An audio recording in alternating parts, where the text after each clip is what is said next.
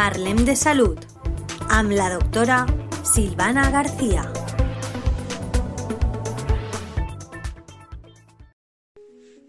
Buenas tardes oyentes de la Tegua Radio, otro jueves juntos y hoy, a pedido de algunos oyentes, estaremos hablando de la marcha en aducción o marcha externa. ¿Qué es la marcha en abducción? ¿Alguna vez recuerdan haber visto a un hijo, primo o sobrino caminando como Charles Chaplin o como un pingüino? sí, consiste en dar el paso con una rotación externa del miembro inferior, es decir, con la punta del pie apuntando hacia afuera el resultado es la visualización de una forma de caminar con los pies muy abiertos. ¿Cuál es su causa? Puede ser causada por varios motivos. Y en línea con la marcha interna de la que hablamos el otro día, nombraremos los motivos más comunes, como retroversión de la cabeza del fémur, torsión tibial externa y antepie abducido. En la retroversión femoral se ven las rodillas apuntando en direcciones opuestas. La torsión femoral se reconoce colocando al niño en decúbito prono sobre la camilla. Se realiza en la rotación externa e interna de la cadera.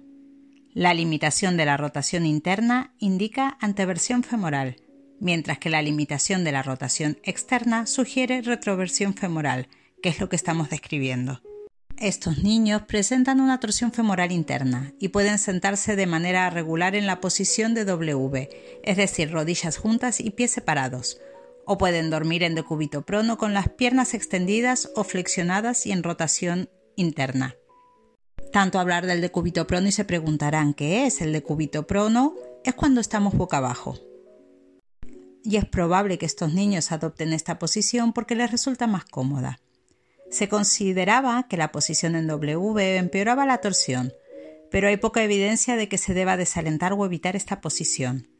En la adolescencia, la torsión interna tiende a disminuir gradualmente alrededor de 15 grados sin intervención. A veces hay que hacer derivación y tratamiento ortopédico.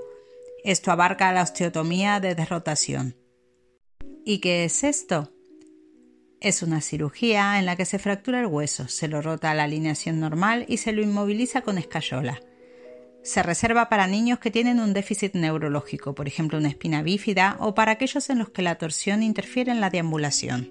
En cuanto a la torsión tibial externa, se produce normalmente con el crecimiento de 0 grados en el momento del nacimiento a 20 grados en la edad adulta. Rara vez es un problema. En este caso, casi todos los niños y adultos caminan con ligera rotación externa. También suelen dormir boca abajo con los pies hacia afuera y caminan con falta de estabilidad y caídas frecuentes.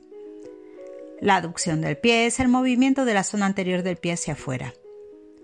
Recordemos que las torsiones de los miembros inferiores se producen como parte de los cambios morfológicos para adaptarse a la marcha y la bipedestación.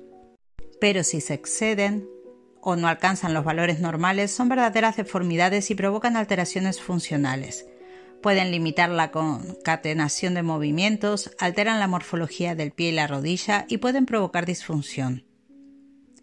En resumen, el tratamiento de estas deformidades estará condicionado por la gravedad de la lesión y la edad. Hay que conocer los mecanismos torsionales, su localización exacta perdón, y la tendencia a la corrección espontánea si no existe un antecedente hereditario. Espero que les haya gustado. Gracias por estar y los invito a compartir. Los saluda como siempre Silvana.